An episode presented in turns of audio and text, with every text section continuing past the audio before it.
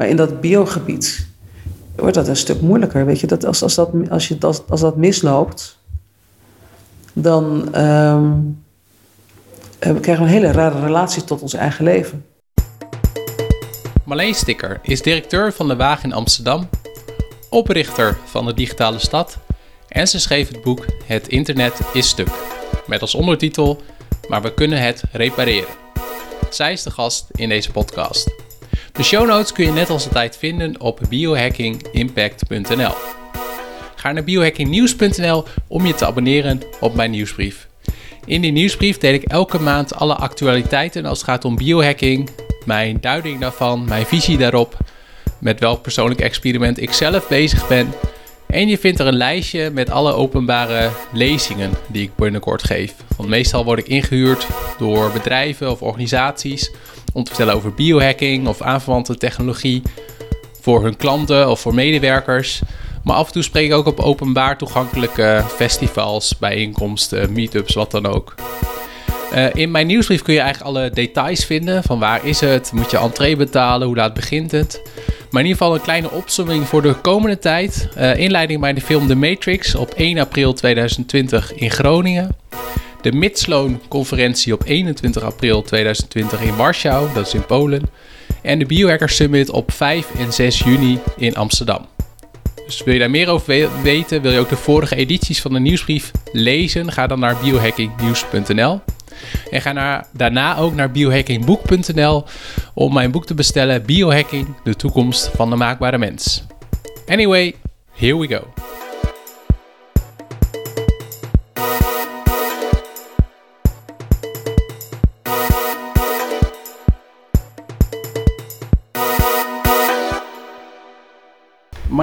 Ik wil graag beginnen met een gedeelde interesse van ons. Ehm, en eigenlijk door de uitzending van Zomergasten in 2018 eh, zag ik het en toen vond ik het wel heel bijzonder. Dat is namelijk uh, een kunstwerk of een performance, ik weet niet hoe je het noemt, van uh, May, the Horse Live Within Me van Marion Laval Chantet. kun je uitleggen wat het is en waarom je het ook een bijzonder fenomeen vindt? Ja, het, het, het, zit in de sfeer van uh, het begrijpen wat nou. Het, we zijn mensen en dieren zijn verschillend. Mm, en er is natuurlijk ook een onderzoek naar wat, wat de paard de mensen te vertellen heeft en de mensen de paard te vertellen heeft, bijvoorbeeld in dit geval. Ja.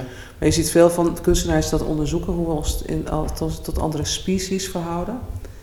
En in dit werk um, was het de vraag of, het, of je het paardenbloed van een geliefd paard uh, of, je dat, uh, kan, of je dat in jezelf kan opnemen. Ja. En uh, nou, we weten dat dat heel gevaarlijk is over het algemeen. Dus dat is niet vanzelfsprekend dat je bloed van dieren in, kan inwisselen met mensenbloed. Dus dat moet allemaal heel zorgvuldig gebeuren. Maar het was dus een heel proces met, met veel medische zorgen omkleed. Maar wel zo'n vraag die eigenlijk alleen maar kunstenaars zich durven aan te gaan. Want wetenschappers die zeggen al van dat gaat niet lukken, dat moet je niet doen. Nee. Uh, dus dat gaan we niet eens proberen. Dat, en, en kunstenaars kunnen die vraag, die grensvragen vaak wel stellen. Dus in dit geval zijn ze dat toch heel stap voor stap gaan doen. Zichzelf laten wennen aan, aan, uh, aan paardenbloed. En dan stap voor stap. Maar dat ook performatief. Dus je ziet ook, ze, ze gaat ook kijken of ze dan paardig zich gaat gedragen. Ja, dat kan me ook herinneren. Ze loopt geeft ook op hakken, op paarden hakken en zo. Het is heel, ja, het is, het is heel fascinerend. Ja. Dus je kan dat zien als een biologisch experiment waar je heel veel van kan leren. Maar het is ook een ook heel, heel uh, romantisch ideaal om samen te smelten met een paard. En poging om de grenzen van de mens te verleggen. Ja, ze moest ook iets van elf dagen volgens mij uh, het bloed hybridiseren, of hoe dat ook heet, om dan dat het uiteindelijk haar, het paardenbloed inderdaad in haar geïnjecteerd kon worden. Ja, het kon niet zomaar in één keer. Dus je moet dat, anders zou je shock kunnen raken. Dan ben je er ook, uh, kan je er ook geweest zijn. Dus het, is, het was wat dat betreft wel heel zorgvuldig opgebouwd. Ja. En ook wel uh, gebaseerd op wat we weten, wat wel en niet kan. Ja. En dan toch dat aangaan met alle risico's van dien. Ja. ja.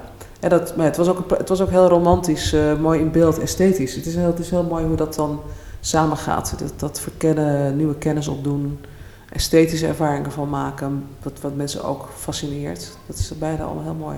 En dat is ook de rol van kunstenaars als het gaat om nieuwe technologie?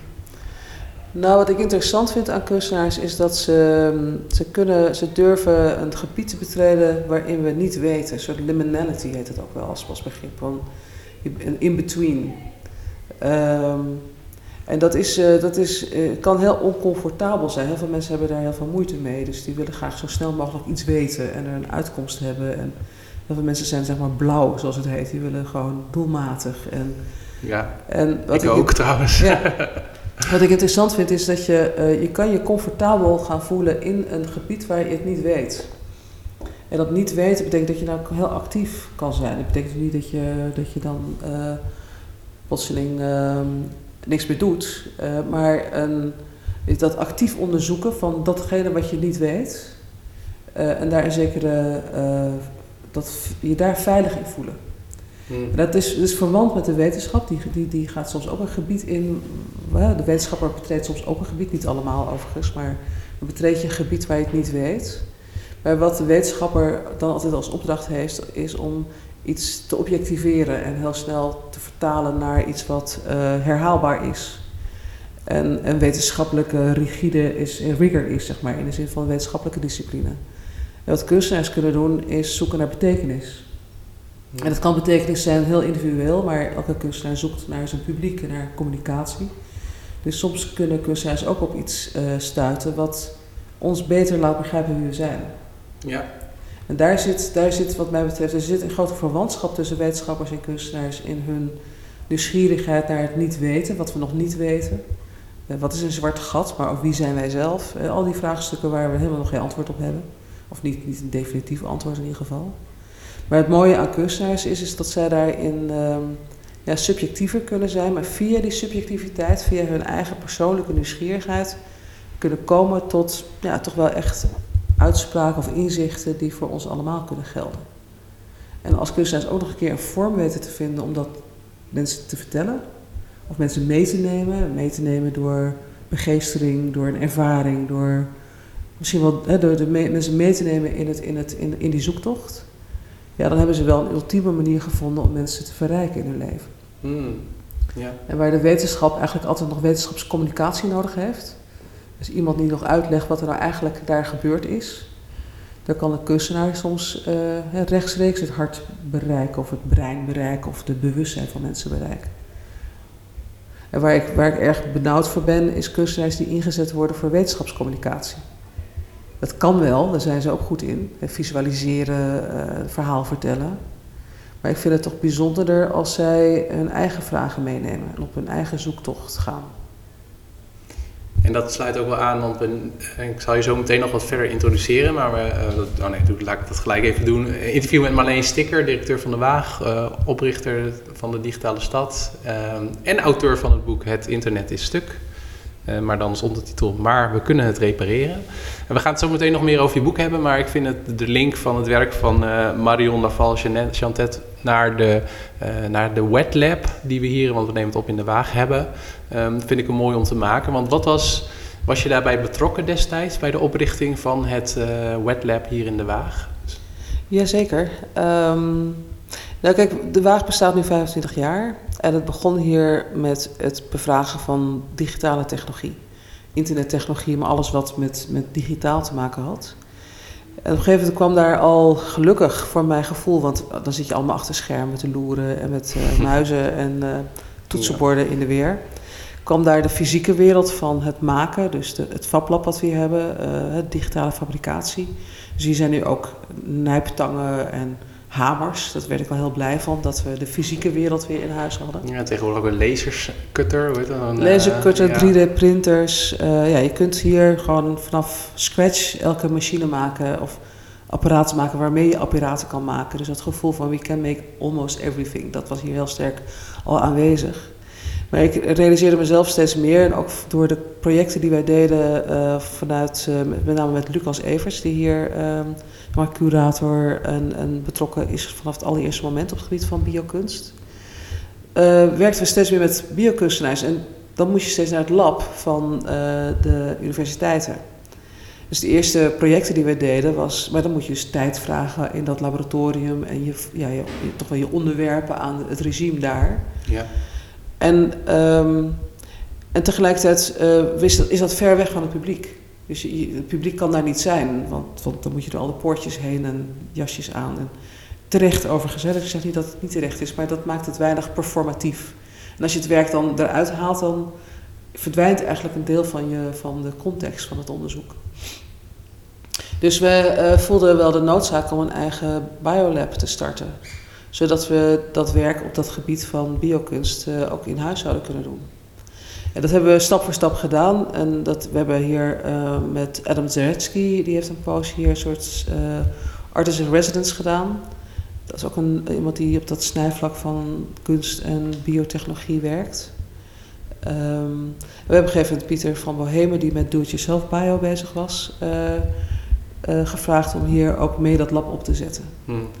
Um, dus al die tijd zit er zo'n team van de Waag bij, Lucas, uh, Pieter was hier, dat is toen vervolgens weer andere mensen. Dus we hebben zo steeds een team van mensen die hier rondom dat wetlab actief is. En zowel de Biohack Academy geeft, dus het andere mensen uitlegt hoe je zo'n biolab nou start, waar je aan moet houden. Want we hebben hier dus wel een we hebben hier een vergunning om iets te mogen doen met DNA-sequencing. En we kunnen hier ook CRISPR, uh, CRISPR-Cas uh, programma's doen.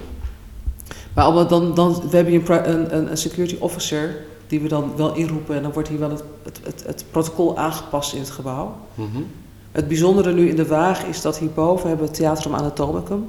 Waar voor het eerst officieel met vergunning in het menselijk lichaam gesneden kon worden om, om te zoeken wat het dode lichaam nou was, wat het lichaam was. Is dat ook van die beroemde schilderijen trouwens? Ja, professor Tulp, uh, wat hier... Ge, hè, dus het was Ruis die hier de grondlegger was van het uh, chirurgijnengilde. En de eerste anatomische lessen hield. Uh, maar Tulp, die geportretteerd is door Rembrandt... die heeft hier ook anatomische lessen gehouden. Een soort hbo-opleiding. Ja. Waar het publiek ook bij kon zijn. Dat was oh, het ja. aardige. Die kon een kaartje kopen en meekijken. Uh, maar dit is nu ook het eerste gebouw waar een uh, publieke licentie is om leven te creëren. Dat is een hele mm. grappige historische connectie tussen die twee tijden. Dus ja, sindsdien hebben we dus een biolab. En, en mijn betrokkenheid, omdat ik natuurlijk de directeur van de Waag ben, moet je, ben je voortdurend bezig om die programma's te ontwikkelen. En ik ben zelf niet hier de grote expert op het gebied van biotechnologie.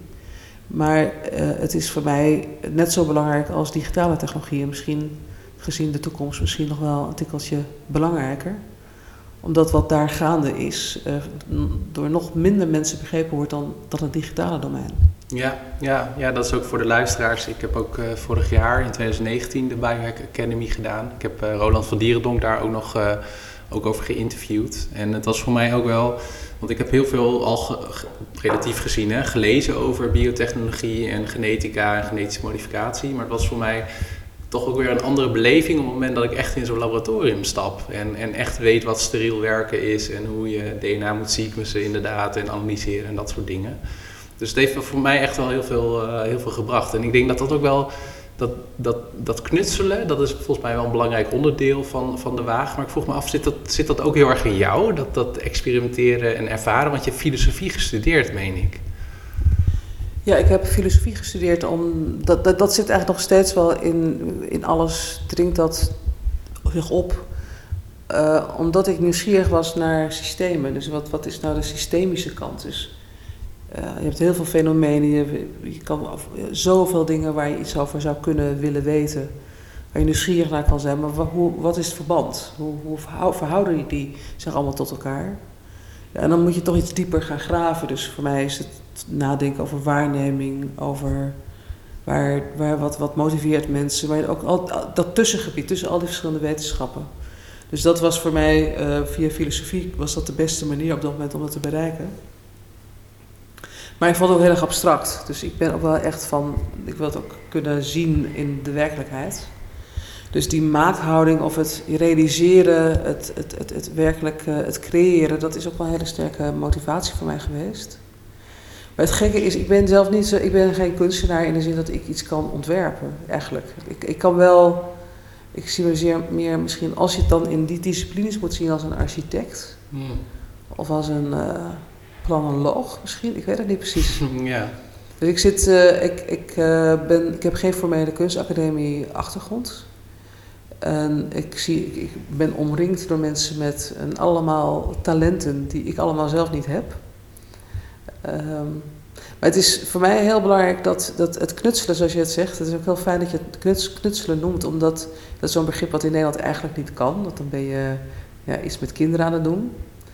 Maar het is wel een, um, het is een primaire uh, drijfveer van de waag om mensen in staat te stellen zelf te kunnen knutselen met die nieuwe technologie. Hmm.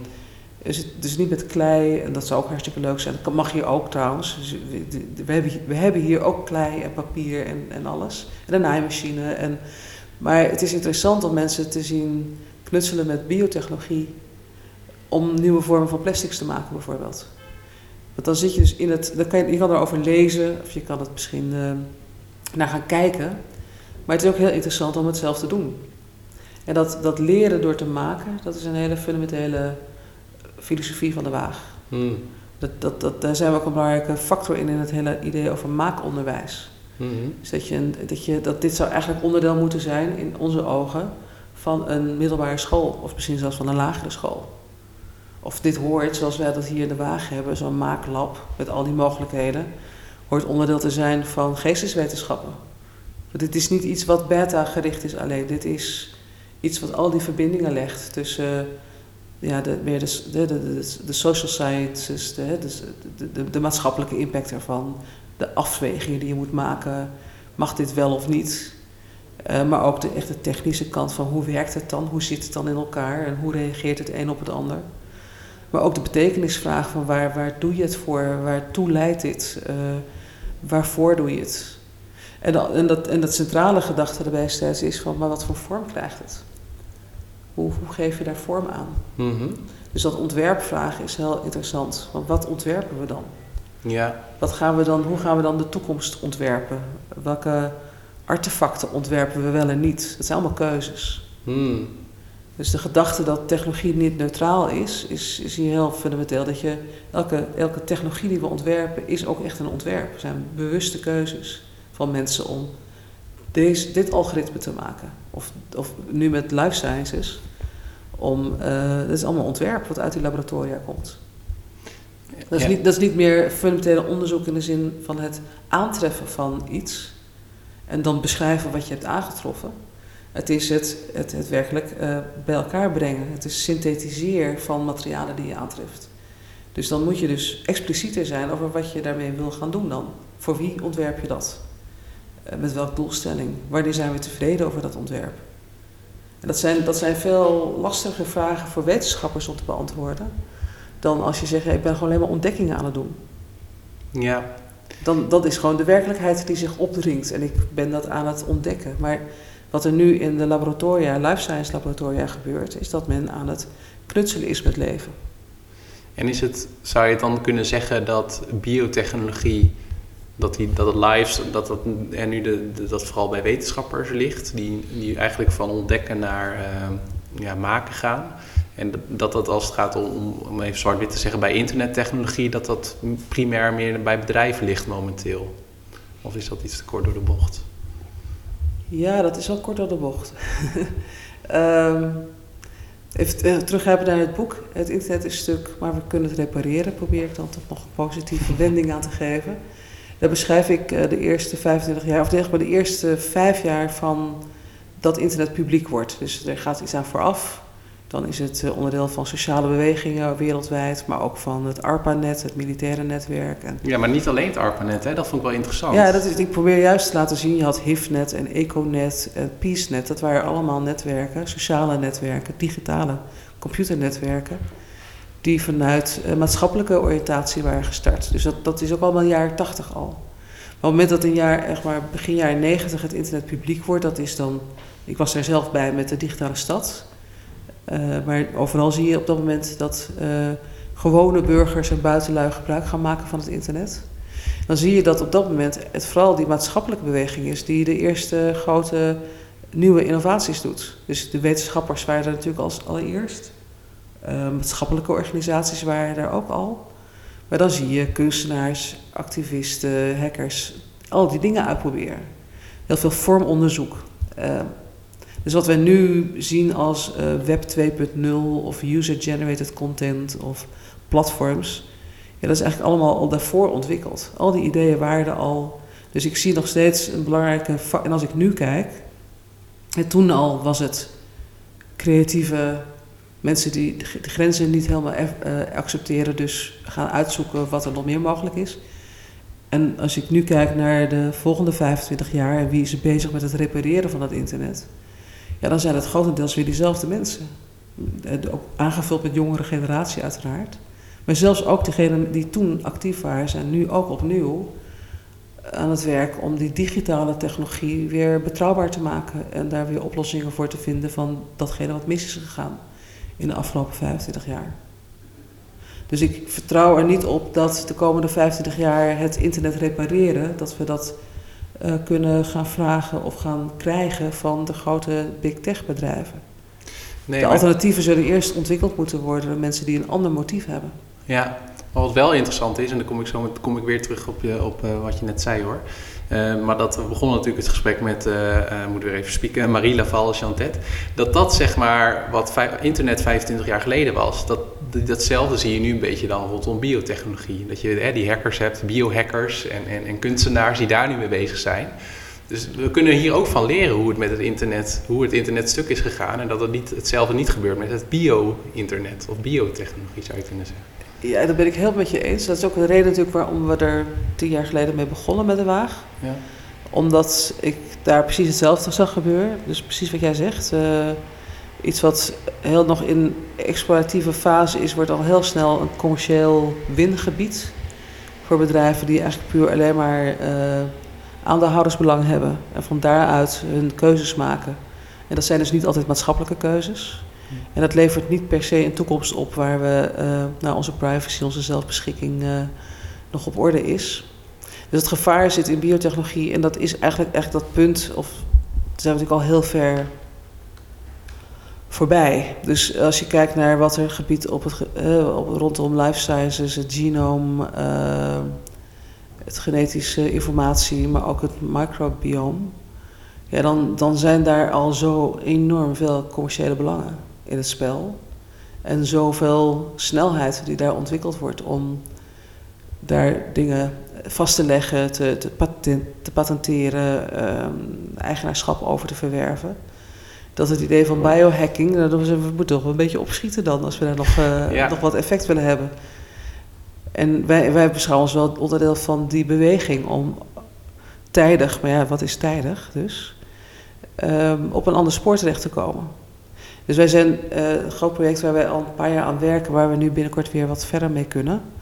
Omdat we er wat funding hebben gevonden. Het blijft natuurlijk altijd een vraagstuk. De, de, de shareholders hebben voldoende, eh, die, die zetten gewoon honderden miljarden in op dit gebied. Ja, Amazon, zeg maar, ja, Amazon en Google zijn al uh, hebben het hele spel aan het spelen rondom uh, data en, en life sciences en farmaceutische industrie en tot met zorgverzekeraars aan toe. Dus die, die, pakken, die zijn al conglomeraties aan het bouwen waarmee ze dat spel uh, volledig kunnen beheersen. Maar wij zijn al langer bezig met het project GeneCoop. Dus het, het, kun je rondom genetische informatie meer een coöperatieve databank opzetten. Die beschermt tegen commerciële exploitatie. Maar die het wel mogelijk maakt aan wetenschappers om daar zinvolle analyses op te doen. En zo'n gene call, het hele idee überhaupt van wat we dan data commons noemen. Dus een, het idee van een commons als een gezamenlijke resource waar je grenzen aanzet wat je ermee mag en kan. Dat is een hele cruciale factor in het digitale domein, maar ook in het life sciences domein. Dus, dus de data-driven life sciences en farmaceutische industrie is natuurlijk is volledig verwant aan, de, aan de, de problemen die we hebben in het digitale domein. Van mhm. data die toegeëigend is, waar je geen controle meer over hebt. Uh, ook jouw private data tot met. Uh, het, DNA is natuurlijk ook iets wat nu van vogelvrij is. Ja. Waar geen grenzen aan gesteld worden dat partijen dat zomaar mogen opvragen. En dan krijg je een heel klein rapportje terug met wat gegevens. En ondertussen blijft jouw hele dataset over jouw DNA blijft bij dat bedrijf achter. Mhm. En die bouwen daar uh, een gigantisch imperium op. Ja. En dat gaat ook voor het, uh, voor het uh, microbiome gelden. Wat natuurlijk een heel fantastisch gebied is van onderzoek. Maar hoe meer daarvan in het private domein terechtkomen, hoe meer ons ja, het hele leven dus uh, wordt uh, vercommercialiseerd, gefinicialiseerd, zoals dat wel heet. Hmm. Ja. En dat wordt een uh, lastig pakket. Want nog met iBoss heb je wel of niet gekeken, wil je wel of niet. Je kan nog een, browser aanzetten die zorgt dat je bepaalde advertenties niet krijgt. Of de tracker en tracer uitzet. En nou ja, met een beetje geluk kunnen we in de komende vijf tot tien jaar technologie weer terugveroveren op die surveillance capitalism modellen, waarbij alles wat we doen getracked en getraced wordt en dat we onze data kwijt zijn. Maar in dat biogebied wordt dat een stuk moeilijker. Weet je, dat als, als, dat, als, je, als, als dat misloopt, dan um, krijgen we een hele rare relatie tot ons eigen leven. En tot, tot iets waarvan wij dachten dat het onvervreemdbaar wij zelf zijn. En dan, dan is stukken van jou is gepatenteerd. Ja, terwijl, en, en het lastige is natuurlijk ook van DNA, dat kun je ook niet meer aanpassen. Dat, dat heb je in principe. Ja, dat is dan, nou ja, misschien als we met heel veel ja. uh, knippen en plakken met... die veranderbaar, laat ik het zo Dat je daar een hele beweging in gaat krijgen. Maar dat, nee, dat, dat is een heel groot probleem. Net zoals met facial recognition, gezichtsherkenning. Je kan niet je gezicht helemaal verbouwen. Dus je, dat, dat, idee dat je te identificeren bent aan je stem of je gezicht, hmm. alles wat biometrisch is, maar ja, helemaal als het DNA betreft. En, hem, en, en ook als het je, je microbiome betreft. Ja, dat, is, dat is heel problematisch. Dus dat idee van privacy en, en, en, en, en ja, vooral ook wat ik dan hè, soevereiniteit noem, het, het, het, handelingsperspectief, dat dat vrij is, dat, je, dat, is een, uh, dat wordt een heel groot vraagstuk.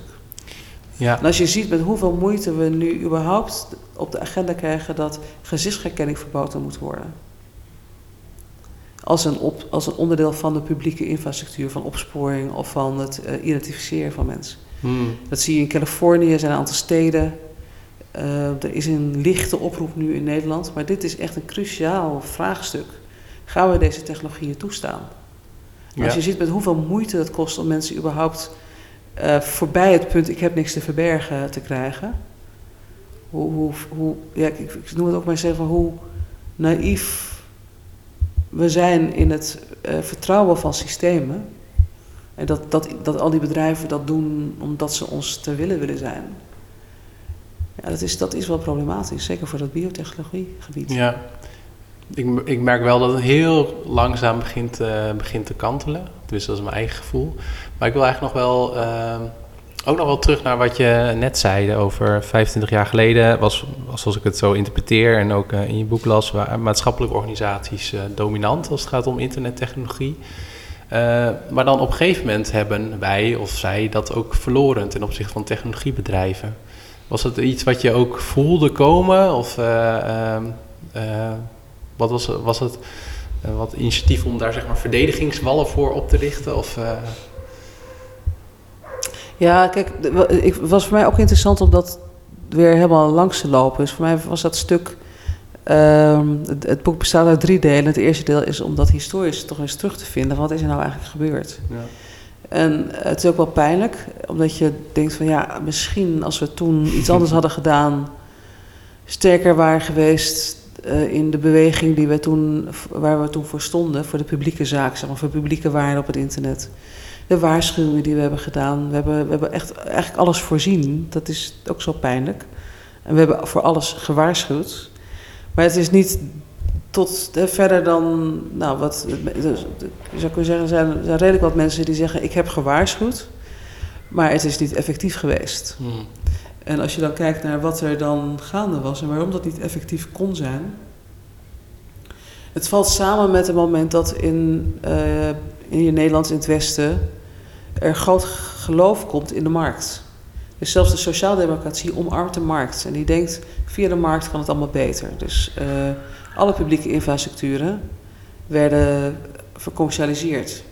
Dus de post en zo. De post, de telecom, oh ja. water, energie, vervoer. Ja. Dus precies in de jaren negentig, dat was, dat was natuurlijk al een stroming vooraf. Stap voor stap wordt dat allemaal geprivatiseerd. En we zitten nu dus met een aantal grote problemen. In sommige landen is het nog veel verder gegaan. En in Engeland moeten ze nu alsnog weer uh, hele uh, trein, trajecten toch weer nationaliseren. Omdat het helemaal mis is gegaan. Omdat die markt dat helemaal niet heeft opgelost. Nou, wij, wij kampen natuurlijk ook met grote vraagstukken rondom de zorg. Dat die vermarkting eh, heel veel verkeerde triggers teweeg heeft gebracht en helemaal niet per se geleid heeft tot, tot besparing of tot betere zorg. Maar goed, in, precies in dat moment dat politiek gesproken zelfs de socialisten in, in de markt de oplossing zien, vragen wij om een aandacht voor, het publieke, voor de publieke waarde op het internet dat er een publiek domein op het internet is, dat er publieke waarden zijn, dat de markt dit niet gaat oplossen. Integendeel, dat die markt gebruik gaat maken van de ongebreidelde macht die ze kan gaan cumuleren door op dat digitale domein alle platforms in te richten. Dus onze waarschuwingen waren gewoon echt uh, het verkeerde moment. Men was daar gewoon helemaal niet voor, stond daar niet voor open. Integendeel, men vond dat verhaal van de Silicon Valley zo mooi. Hmm. hoe die start-ups en miljoenen gingen maken. En dus wij, wij zijn hier met z'n allen achter die Silicon Valley aan gaan lopen. Achter diezelfde ideologie aan gaan lopen. Dat technologie alles zou op gaan lossen. Dat de politiek en de overheid niet meer nodig was. Want de technologie kan het allemaal zo prachtig. Dus in een soort, soort heildenken over die technologie gestapt. En ook een, een ja, groot vertrouwen dat, dat, dat die bedrijven het allemaal deden voor, voor de samenleving. Dat dat een goede oplossing zou zijn. En die kentering over dat denken, dat begint eigenlijk pas. Uh, nee, echt voor, de, voor degene die, die wakker waren van veel eerder natuurlijk. Maar uh, ik denk dat Snowden een hele belangrijke factor is geweest. Edward Snowden die laat zien dat overheden, in dit geval dan, uh, dan opsporingsorganisaties um, zoals de NSE, maar dat zijn dus ook de Nederlandse varianten daarvan dat die gebruik maken van de kwetsbaarheden van het internet en alles meekijken en afloeren en verzamelen wat mogelijk is. Dus dat is een eerste moment dat je denkt van wacht even, dit, dit, dit, dat leek, uh, dat leek uh, een soort rare verhalen van mensen die te achterdochtig waren. Ja, een soort aluminiumhoedjes. Uh, ja, van die mensen die, maar verdomd, het blijkt gewoon waar te zijn, er is bewijs. En ik denk dat, dat ja, maar voor de meesten is eigenlijk pas met Cambridge Analytica het duidelijk geworden. En dat is erg laat, maar goed, dan, heb je dus, dan sta je eigenlijk al met de rug naar de muur. Dan, dan is het al zo ver gekomen dat, het, dat je echt niet meer weet hoe je daar nog vat op moet krijgen. En alle mogelijkheden om daarop te interveneren vanuit wetgeving, handhaving, dat ketste voortdurend af op het beeld dat het fantastisch was, dat het allemaal gratis was en dat de markt dit allemaal aan het, uh, aan het produceren was voor ons, wij mensen. En dat ook het beeld dat overheden vooral ver weg moesten blijven van regulering. Dat dit iets heel anders was dan alle andere domeinen. Heel dus- bijzonder, heel raar, heel anders. En dat, is, dat heeft gewoon jarenlang heeft dat aan kunnen houden. Ja, dus misschien wel het allerbeste wat, wat die bedrijven doen of hebben gedaan is... Uh, uh, dat kwam ook terug in het boek uh, Donut Economics, wat jij ook, ook volgens mij wel fan van bent, van Kate Rayworth. Ja. ja is, is het, het framen van dat, dat, dat, dat, dat technologie dat allemaal beter maakt en oplost en ja, alles beter maakt, laat ik ja. het zo zeggen. Ja, ik probeer dat zelf ook te analyseren vanuit um, van wat voor een verborgen verhaallijn zit er nou in, een hidden narrative. Want dat, dat, dat, dat, dat is altijd interessant om te zeggen, waar komt nou die, dat geloof vandaan? En je ziet een, er is een, er is een verzamelbegrip wat je dan transhumanisme noemt. En er zijn heel veel sub, subsets van, maar transhumanisme is dan een verzameling van het geloof, bij een religie ook. Ja. Zie je het soms zelfs vertaald in, mensen die dat echt gewoon als een religie beoefenen. Uh, dat uh, wij mensheid pas uh, onze volgende fase in zullen gaan als wij versmelten met technologie. Dus die versmelting is dus een heel goed, goed ding, want dan worden we betere mensen van. Ja, en ook fysiek, hè, met hersenchips. En, ja, dus, dus, betere, dus we krijgen eh, betere hersenen en we krijgen betere genen. Dus de, die, die versmelting van technologie en, en onze, onze, onze fysieke beperkingen zoals we die nu kennen, dat levert een nieuwe mens op. En dat is iets om na te streven. Mm -hmm. En dat is ook, dat is, het is ook heel, een heel fundamenteel denken over. Wat ik heel grappig vind, is dat dat transhumanisme eigenlijk nooit zich afvraagt voor wie dat dan wel zal gelden en voor wie niet. Hm. dat er een soort ubermens ontstaat die dat zich allemaal kan permitteren, die het geld ervoor heeft. Of wordt het anders dat wij mensen die, tot ons, die wij tot slaaf willen maken, dat we die zo engineeren dat ze daar geen last meer van hebben? Dus krijg je een beetje, kom je een beetje in de science fiction-achtige wereld terecht, als de Matrix en zo. Dan Ja. zorg je gewoon dat het bewustzijn uitgeschakeld is of dat ze in een of andere virtual reality leven. Dan kunnen ze ondertussen voedsel zijn voor de rest. Maar het hele vraagstuk van macht, ik ga meteen even heel snel heel rij beelden, maar het hele vraagstuk van macht, machtsuitoefening wordt daar niet, wordt daar niet bevraagd. En geld en, en, en van wie zijn die mensen dan die geëngineerd zijn? Wie betaalt ervoor? En wie betaalt ervoor en eh, wie kan het zich veroorloven? En wie heeft dan de macht over de artificiële intelligentie? Wie, Ja. wie is de eigenaar daarvan? Van de robots. Maar wat ook interessant is, is de vraag: wat is dat menselijk falen dan, wat we moeten oplossen? Hmm. Er zit een heel sterk idee in dat wij mensen dus falen en eigenlijk grote mislukkingen zijn. Ja. Dat wij op een traject zijn om onszelf steeds, beter, steeds meer te verbeteren. Dus naast het idee van wie, wie, wie is eigenlijk de eigenaar van al die technologie en dat hele, dat hele vraagstuk van geld en, en eigenaarschap, is het ook de vraag van wat zit er nou onder aan denken over waarom wij onszelf moeten verbeteren. Waarom wij de technologie nodig hebben om een beter mens te worden. En dat vind ik wel interessant, dat idee dat mensen falen. Ik heb dat een fantastisch eh, overzicht gekregen of gevonden ergens op het internet. Over de taxonomie van het menselijk falen. En dat is echt heel grappig om te zien, omdat je ziet dat mensen falen omdat ze eh, dachten dat het de bedoeling was. eh, omdat ze in, iets anders misgingen en toen maar dit zijn gaan doen. Dus heel veel falen komt met. Dus we zijn inderdaad grote, grote klunzen, grotendeels. En dan doen we ook nog eens een keer, soms gaan we, gaan we fouten maken of bewust mensen in de problemen brengen, omdat we daar belang bij hebben. Maar dat is eigenlijk maar een fractie van, van dat falen. En ultieme falen is natuurlijk dat we, dat we overlijden, dat we doodgaan. Hmm. Ja. En ik denk die, die confrontatie met de dood maakt dat mensen steeds denken, nou dat moet oplosbaar zijn. Dit is, Ja. een, dit is een ontwerpvraagstuk. Dat kunnen we engineeren, dat kunnen we oplossen. ja. En niet En alleen dan komen ze dus met ja. technologie aan en dan op de een manier wordt dan technologie heilig verklaard en gezien als iets wat niet kan falen. En eigenlijk als je door de geschiedenis heen kijkt, is dat, is dat nergens op gebaseerd. Hmm. We weten dat technologie faalt. Door allerlei omstandigheden, door, ik beschrijf het als entropie, als het verval van systemen, gewoon fundamenteel. Vervallen systemen. Ehm, dat is gewoon natuurkunde. Ja. Eh, dus je, je ziet, en, en scheikunde, dus je ziet dus eigenlijk op het meest fundamentele vlak van hoe de wereld in elkaar zit, eh, vervallen systemen in chaos en staat er uit chaos weer nieuwe systemen.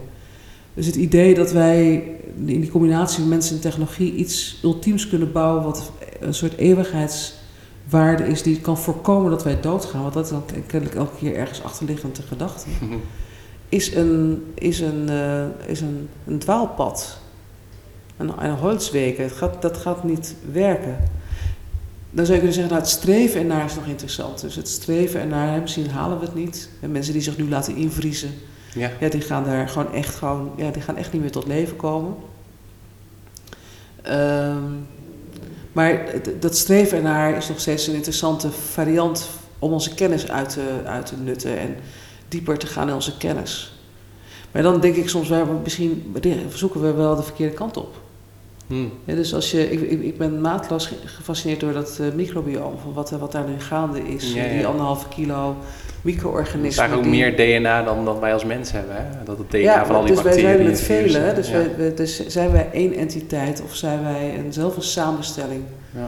En, en zit er dan misschien nog andere... Als je kijkt naar... Van fascineert ook hoe bomen met elkaar communiceren... en hoe ze over grote afstanden elkaar helpen... door signalen af te geven als er eh, vijanden aankomen. En of, of, of nakomelingen helpen door ze de voed- voedingsstoffen te geven... als, de eigen als jij zelf als boom sterft. Fascineert. Dus er zitten zoveel varianten van intelligentie en communicatie... in de levende wereld dat ik denk van laten we daar, dat, dat, dat, dat vind ik zelf heel fascinerend. Wat kunnen we daar over, wat kunnen we meer te weten komen over, over neurologie en over hoe eh, neuronen misschien ook over tijd en plaats met elkaar communiceren. Hmm. En dat was eerst heel speculatief, dan werd je ook meteen in het hoekje gezet van, eh van Sheldrake en zo van. Maar dat begint met die hele kwantumtheorie natuurlijk heel erg interessant te worden. Dus als twee deeltjes op het, Ja. ge- gelijktijdig geïnformeerd zijn en entangled zijn, hoe kunnen we dat doordenken? Dus ik, denk- ik denk dat er, er zijn echt talloze wegen die onze nieuwsgierigheid nog eh, kunnen ki- kietelen, Ja. zonder meteen een sluitend antwoord te hoeven geven dat wij met een chip de meest intelligente wezen zullen zijn. Ik, misschien moeten we wel intelligentie van bomen tot ons krijgen. Weet je? Misschien moeten wij samen eerder Of kijken of we. ja. Of met paarden, ja. Laten we eens. Dus, dus de, de- ja, dat, dat, dat irriteert mij gewoon mateloos aan een heel groot deel van die wetenschappers of bedrijven die roepen dat zij ons kunnen vertellen wat intelligentie is. Ja. En dat, dat, dat artificiële intelligentie intelligenter dan een mens is. En ik denk, ja, nou ja, misschien zijn die micro-organismen wel intelligenter dan eh, welk algoritme dan ook. Ja. Dus laten we een beetje in perspectief zien. Een beetje, een beetje laten we nieuwsgierig blijven in plaats van uitspraken doen eh, alsof we weten hoe het zit. Ja, dat, dat hangt eigenlijk wel samen met wat je eerder noemde over dat je ook eh, comfortabel bent in, in, in, die, in die staat van niet weten. Of dat, dat, dat hangt daar ja, voor mijn gevoel ook heel erg mee samen. En ik ben ook wel benieuwd, ehm omdat we alles kunnen oplossen, dan moet ik ook denken aan eh, het libertarische gedachtegoed, onder meer van Peter Thiel, die dan ook zegt, nou ja, uiteindelijk hebben we door democratie ook geen politiek, nee, door technologie hebben we uiteindelijk geen democratie en politiek eh, meer nodig. Is dat ook een beweging die je meer ook zag bijvoorbeeld in Europa of in Nederland, de afgelopen tijd? Of zie je dat dat ook wel weer eh, ja, wordt gestut als het ware? Nou, zeker. Ik denk dat dat ook een heel aantrekkelijk onderdeel van die Californische ideologie was. De overheidsbashing. En ja, dat daar kan ik ook heel gezellig aan meedoen trouwens. Ik vind de overheid niet altijd even functioneel en dat zien we regelmatig Mm. wat daar gebeurt. Dus, dus er is geen enkele reden om alleen maar enthousiast over een overheid te zijn. Maar ik zou meer spreken over rechtsorde, waar de staat, de overheid, een onderdeel van is. En een rechtsorde is wel echt fundamenteel. Een rechtsorde moet je, eh, is hetgene wat ons, eh, eh, wat ons helpt om uit te stijgen boven onze individu- individuele belangen. En rechtsorde is iets. Nou, ik noem het geen rechtsstaat, dat heb ik van Cenk Willink geleerd, die lang minister van Staat was en daar een mooi boekje over heeft geschreven. Omdat je. ehm, kijk, de, de, de verhouding. Het heel lang werd ons gevraagd een keuze te maken van of je gelooft in de staat of in het, of in het bedrijfsleven. En dan was het het een of het ander. Dus je Ja. bent, je bent, dan, ben je, dan ben je conservatief, liberaal als je denkt dat het bedrijfsleven het gaat doen. En dan ben je een socialist of nog erger communist als je denkt dat de overheid het primaat krijgt. En ik denk dat het beide niet het geval is. Ik denk dat we echt nieuw moeten kijken. En dat betekent dat je de, de, de, de kracht van die samenleving weer opnieuw moet herkennen en een plek moet geven in, in het spel. En dan zeg je een maatschappelijke democratie, dus een representatieve democratie, de verkozen democratie, de mensen die in de politiek zitten, maar die ook voor ons in de ministeries en in de, in de stadhuizen aan het werk zijn, die zijn gelegitimeerd door een maatschappelijke democratie. Onze, onze wereld van alle dag. Want wij zijn de hele dag dagelijks bezig met kleine vormen van politiek. Mm. In de straat, in je organisatie, in je vereniging. Dus het feit, en, en dus de, de enige manier waarop we, hè, de reden waarom we een deel van onze eigen macht overdragen aan de staat, is omdat dat een bewust en een contract sociaal is. Het is een beetje een constructie, maar we geven, hè, de, de waren soeverein als individu, en we geven een deel van onze soeve- soevereiniteit, ehm, leggen, we, eh, leggen we af en geven we aan instituties. Ja. Maar die instituties kunnen het alleen maar zolang we dat ook werkelijk willen. Want daaraan legitimeren ze dat. Ze hebben dat niet van God gekregen. Nee. Hè, wat dus in de vorige eeuw hebben, heeft men gedacht... de koning krijgt die rol van God. Of Ja. de president of wie dan ook die dan de macht uitoefenen. Dus, dus daarom is het belangrijk. En, en dan krijg je een heel ander beeld. Want dan kan je zeggen, oké, we, hebben- we hebben dus een maatschappelijke democratie... die is geborgd in onze samenleving. Dus die, is, die heeft het primaat.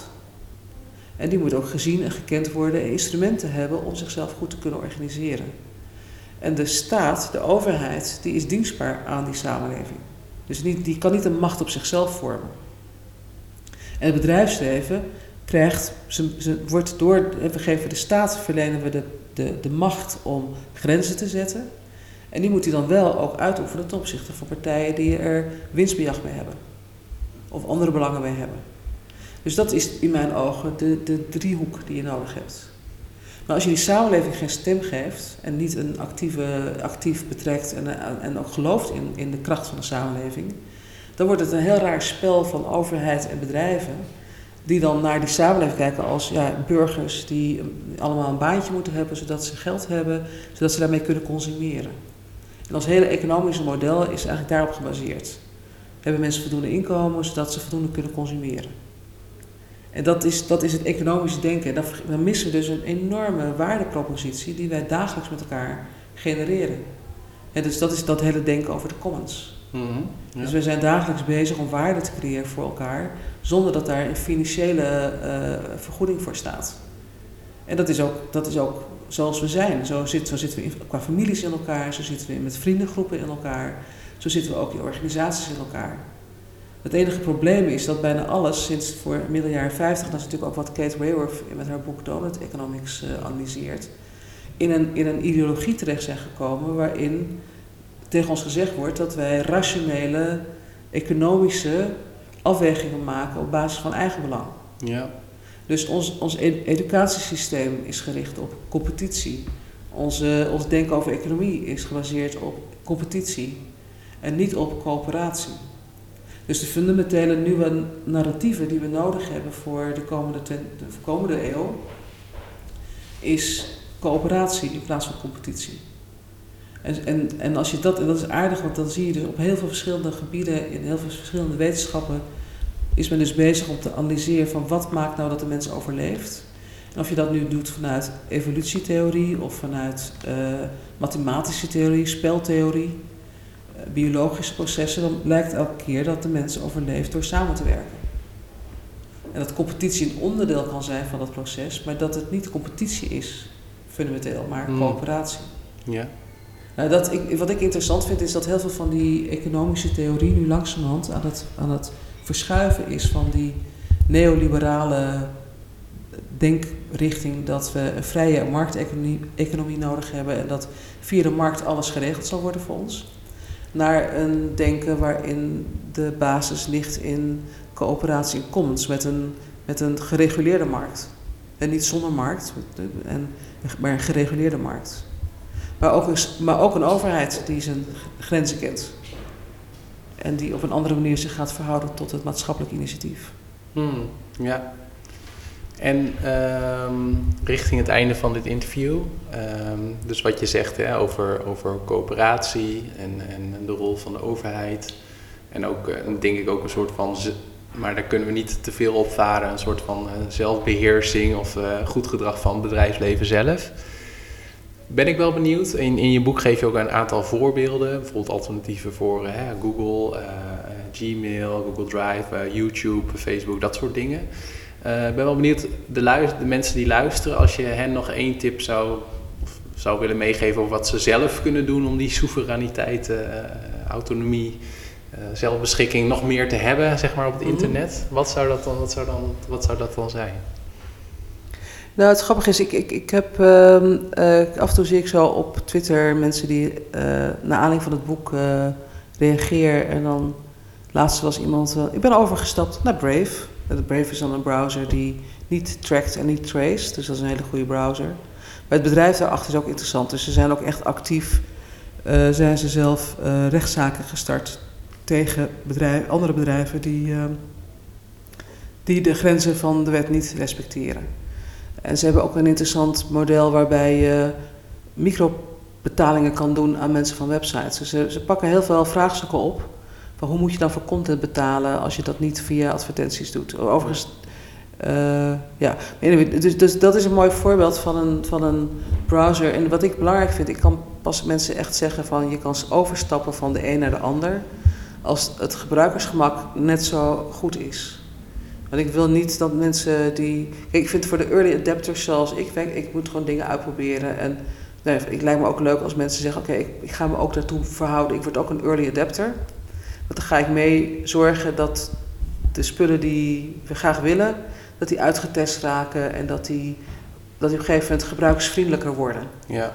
Maar voor de grote groep wil ik graag dat als ik een advies geef, dat, dat ik zeker weet dat, ze, dat het gewoon goed werkt. Hmm. Dan zijn mensen ook zo weer vertrokken. Ja, Dus de voorwaarde natuurlijk is wel dat als wij aan alternatieven gaan werken, en er moet er nog veel meer komen, dat die dezelfde, dezelfde gebruikersgemak krijgen. Dat is echt cruciaal. En dat hebben we met- ook met de ecologische producten heel lang gezien, dat je eerst moest dan eh, door hele, de eerste vegetarische producten waren niet zo smaakvol. nee. Eh, en nu zie je een enorme verscheidenheid aan eh, wat je met tofu allemaal wat niet kan doen. En zijn ook mensen die echt gewoon het, de smaak van vlees willen hebben. Die, kunnen, die, zijn, die worden ook bediend.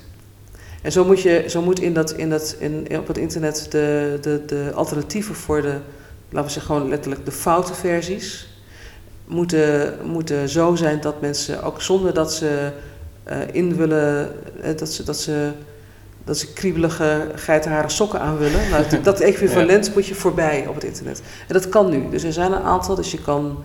eh, ProtonMail is een goede mailbrowser. Of ga zo meteen naar Freedom Internet. Dat wordt, die gaat het ook allemaal leveren. Ehm, ga, gebruik Brave. Je kan DuckDuckGo startpagina gebruiken als, eh, start, eh, als, als zoekmachines. En als je wat breder wil kijken, dan heb je een website waar dat allemaal een beetje bijgehouden wordt. En dat heet eh, switching.software. En dan zie je op allerlei vlakken wat voor alternatieven er zijn. Maar daar zitten er ook zeker een aantal bij die als je een, een normale, reguliere gebruiker bent, moet je daar nog helemaal niet aan beginnen. nee, het is wel even goed. En ondertussen moeten we hard werken. Dus wij zijn met het Public Spaces project bezig, met de omroepen en met culturele organisaties. Om mensen inzicht te gaan geven. Eh, zodat mensen keuzes hebben en kunnen zien wat, waar nou een dienst of een applicatie zich aan houdt. En dat er ook incentives zijn voor bedrijven om te zeggen: oké, ik ga me netjes gedragen. Want mensen willen dat. Een soort e- eco, eco Ja, ehm, keurmerk. eh, van de Vereniging van Huisvrouwen in dit geval, die zegt: dit is oké, dit kan je Ja. gebruiken. ja. Mooi, ik zal die linkjes opnemen bij eh, de show notes, zoals ik het altijd zeg. En ook een link natuurlijk naar jouw boek. Het internet, het internet is stuk, maar we kunnen het repareren. Het laatste, laatste deel is belangrijk, zei je al. Eh, en een eh, een link natuurlijk naar de Waag. Eh, zijn er nog andere links, bijvoorbeeld naar jou, naar jouw Twitter, die ik kan opnemen? Voor als luisteraars meer willen weten of jou willen volgen of de Waag willen volgen. Ja, dat Twitter-account, daar blijf ik, ben ik wel actief op. Dat is eigenlijk de enige sociale media-account wat ik nog heb. Dat is Marleen Sticker, dus dat is eenvoudig. Of Waag kun je ook volgen. Ja, En eh, we hebben natuurlijk ook een programma in de Waag waar je naartoe kan komen. Dus elke donderdagavond hebben we hier in het gebouw rondom een van die thema's eh, een publieksprogramma. Vaak ook dat mensen zelf dingen kunnen gaan maken en doen. Dus het is, het is ook vaak heel erg hands-on. Eh, we hebben een paar grote programma's rondom zelf meten van fijnstof en, en omgevingsmilieuinformatie. Dus dat zijn ook trajecten waar je aan kan deelnemen. Dus de- dat is niet alleen hier in Amsterdam. Dus we hebben een programma hier natuurlijk in de Waag, maar wij zitten ook regelmatig op andere locaties. En dat kan je toch het beste, denk ik, volgen vanuit onze website. Daar, daar staat onze, onze activiteiten op ge- ge- ge- gepost. ja, En we hebben een nieuwsbrief waar je je op kan abonneren. ja. En er, er komt ook nog een luisterboek, dat is misschien ook wel leuk. Ik ben nu het, eh, het, met dat boek zelf aan het Aan het inspreken. inspreken, oh. dat, niet, dat is best pittig wou eh, zeggen, trouwens. Ja, pittig dus. Ja. Hele grappig ook om je eigen tekst weer terug te, terug te lezen, denk ik. eh. maar goed, maar dat, eh, dat komt volgens mij ook eh, eind januari, begin februari komt dat eh, beschikbaar. Oh, Voor nou, de mensen die het liever aflu- afluisteren, dan eh, is dat ook mogelijk. Ja, af en toe luister ik ook naar eh, luisterboeken. Dat vind ik ook naast podcast wel een fijne manier om eh, ja, dat eh, tot me te nemen. Ja. Dank, dankjewel eh, Marleen Sticker voor dit gesprek.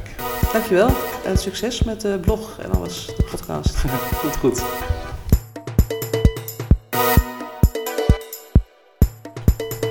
Bedankt voor het luisteren naar deze podcast. Nog drie dingen. Ten eerste, vergeet je niet te abonneren op mijn nieuwsbrief. Ga daarvoor naar biohackingnieuws.nl. En in die nieuwsbrief deel ik elke maand alle actualiteiten als het gaat om biohacking, mijn duiding daarvan, mijn visie erop, met welk persoonlijk experiment ik zelf bezig ben. En je vindt er een lijst met alle openbare lezingen en presentaties, dus waar je mij de komende tijd op het podium kan zien staan. In ieder- geval openbaar toegankelijk. Tweede, vergeet niet naar het biohacking boek biohack.nl te gaan om mijn boek te bestellen, Biohacking, de toekomst van de maakbare mens. En daarin is ook een deel opgenomen over het transhumanisme. Nou, zoals je al hebt gehoord, heeft Marleen daar ook uh, bepaalde uh, visies en ideeën bij. Uh, maar als je daar nou meer over wil weten, kun je dat ook teruglezen in mijn boek. En tot slot is mijn vraag voor jou deze keer binnen de waag, en ook Marleen Sticker heeft dat ook gezegd, is zeg maar knutselen, experimenteren met technologie heel belangrijk. En ik heb dat zelf ervaren door mee te doen aan de Biohack Academy. Dus mijn vraag voor jou deze keer is: met welke technologie zou jij graag willen knutselen, experimenteren, uitproberen?